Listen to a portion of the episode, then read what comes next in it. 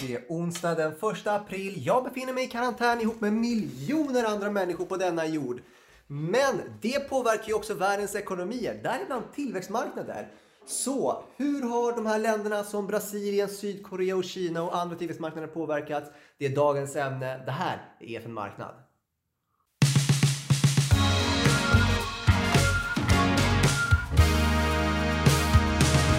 Ja, då hälsar jag dig varmt välkommen Lisa Sydning. Välkommen! Tack så mycket. Du håller på med tillväxtmarknader och jag gissar på att det har stökat där också som alla marknader gör just nu, eller hur? Ja, självklart. Det har ju varit väldigt volatilt de senaste veckorna och vi har sett en hel del nedgångar nu i spåren av den här coronakrisen, självfallet. Och är det några länder eller regioner som har drabbats hårdare eller finns det några vinnare eller hur ser det ut bland regionerna?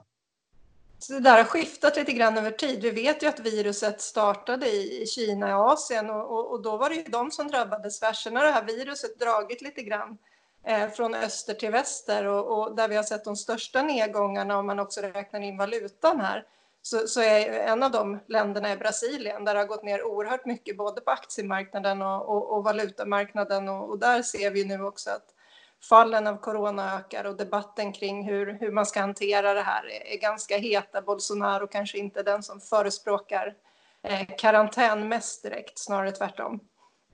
Men eh, samtidigt, vi har ju Asien som mm. du nämnde, börja med var de som var eh, det, där problemet började egentligen. Mm. Men de har klart det här och börjat öppna upp ekonomin till exempel i Kina. Hur mm. har de tagit sig igenom det här? Men de har ju tagit sig igenom den akuta krisen och den första fasen och, och framförallt så var det där som vi vet koncentrerat till eh, Wuhan eh, och där har man ju faktiskt också börjat öppna upp och eh, Kina börjar ju komma igen nu. Det, det, vi kan se det är ju att fallen ökar lite, lite, lite grann igen då när man gör det. Eh, så att de har ju inte öppnat upp allt och de är ju väldigt uppmärksamma på, på den här utvecklingen nu. Eh, så jag tror inte man ska blåsa faran över för Kina heller. Men visst, de har ju kommit mycket längre i det här förloppet kanske. Eh, I alla fall första vågen då, än vad, vad man har gjort i många andra delar av världen. Om vi pratar om aktiemarknaden, i, eh, vi kan, förutom Kina kan vi också prata om Sydkorea, och Taiwan mm. och Japan. När man ser att det har blivit mer kontrollerat, blir det också enklare för er att göra en prognos på hur, hur mycket det har påverkat, eller är det fortfarande jättesvårt? Men det är ju jättesvårt för att många av de här ekonomierna är beroende av global efterfrågan, inte minst Taiwan och Korea som är väldigt beroende av, av teknologiexport och, och investeringar i, i de sektorerna för, för, sin egen industri. Och om det var ett produktionsproblem från början så är det ju ett efterfrågeproblem nu och där, där vet vi ju inte riktigt hur det här kommer spela ut, hur djup och hur lång var den här krisen kommer vara.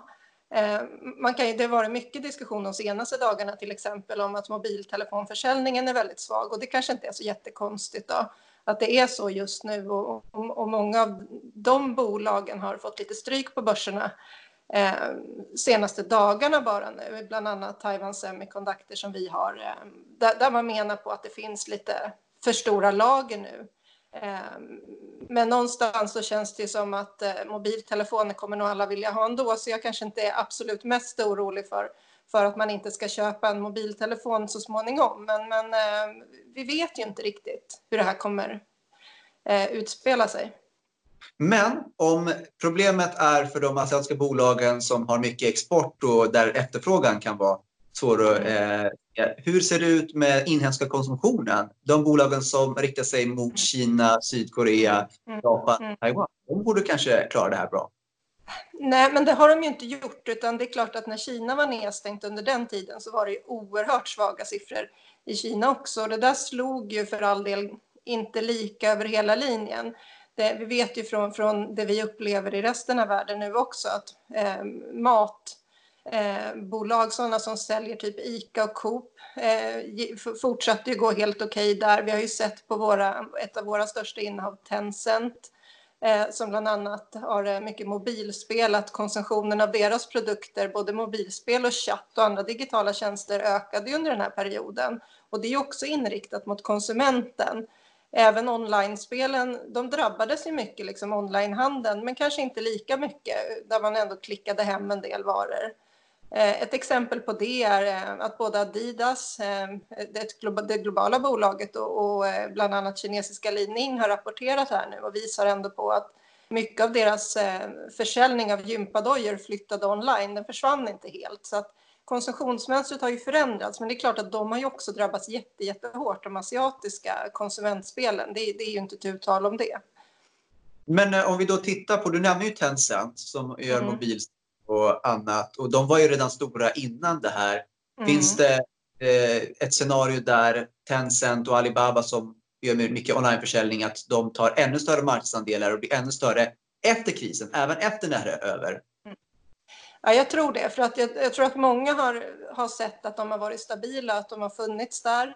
Det kan ju också vara så då att eh, de tjänar på att de är väldigt starka och stora och har mycket kapital att satsa medan vissa andra då uppstickare kanske inte klarar sig lika bra och får backa sina insatser för att ta marknadsandelar i det här läget.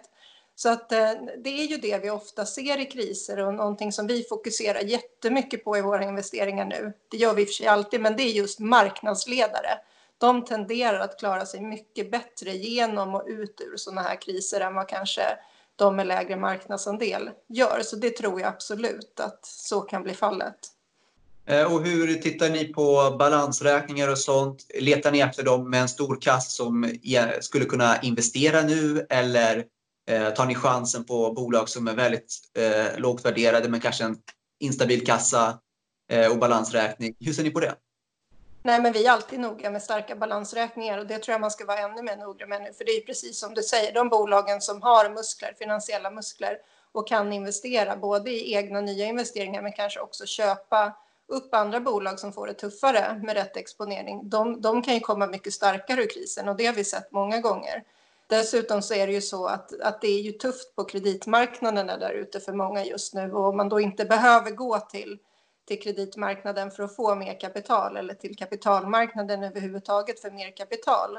I den här fasen så är det ju väldigt, väldigt positivt. Så att det är viktigt. Marknadsledare med starka balansräkningar, det, det gillar vi och det gillar vi för sig, även när det inte är coronakris.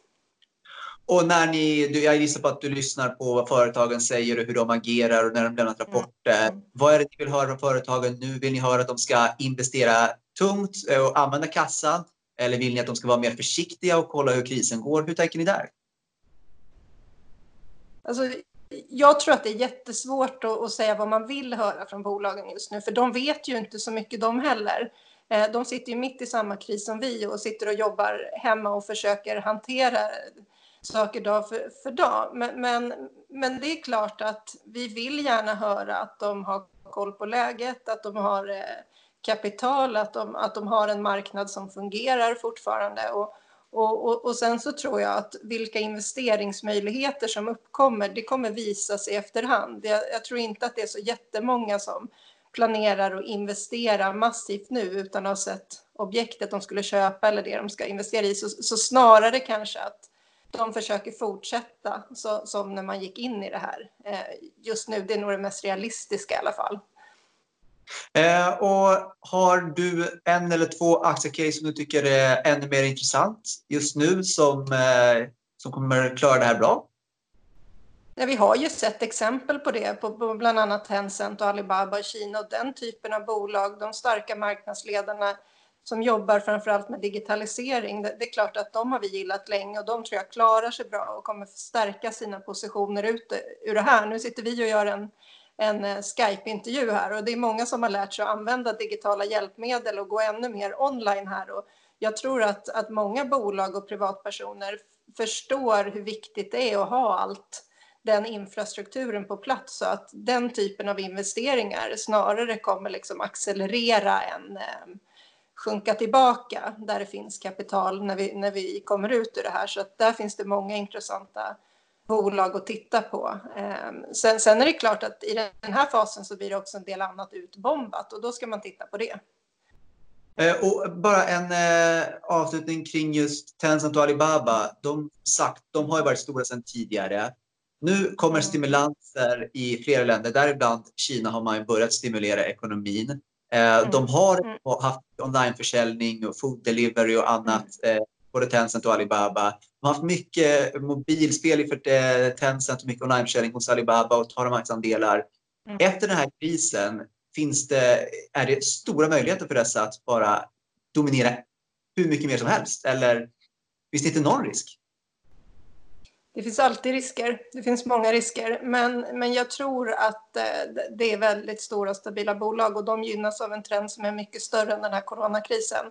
Och om den har förändrats alls så har den förändrats till deras fördel. Så att vi hade stora investeringar i dem sedan tidigare och det är vi väldigt, väldigt trygga med även in i framtiden. Sen det, kommer aktierna alltid vara de som går bäst? Nej, det vet jag inte. Det är klart att det kommer finnas faser där, där cykliska rallyn kommer och de här kommer lite efter under kortare perioder. Och kan man förklara det bara kort eh, som att de har megatrender med sig men att corona har mm. påskyndat detta? Ja, det har åtminstone inte förstört den megatrenden. Och, och, det tror jag man ska vara väldigt glad för. Eh, om något så har det stärkt den. Du, eh, stort tack för det Lisa Synning. Det var allt vi har ifrån EFN Marknad idag. Vi är såklart tillbaka imorgon 11.45. Missa inte oss då. På återseende.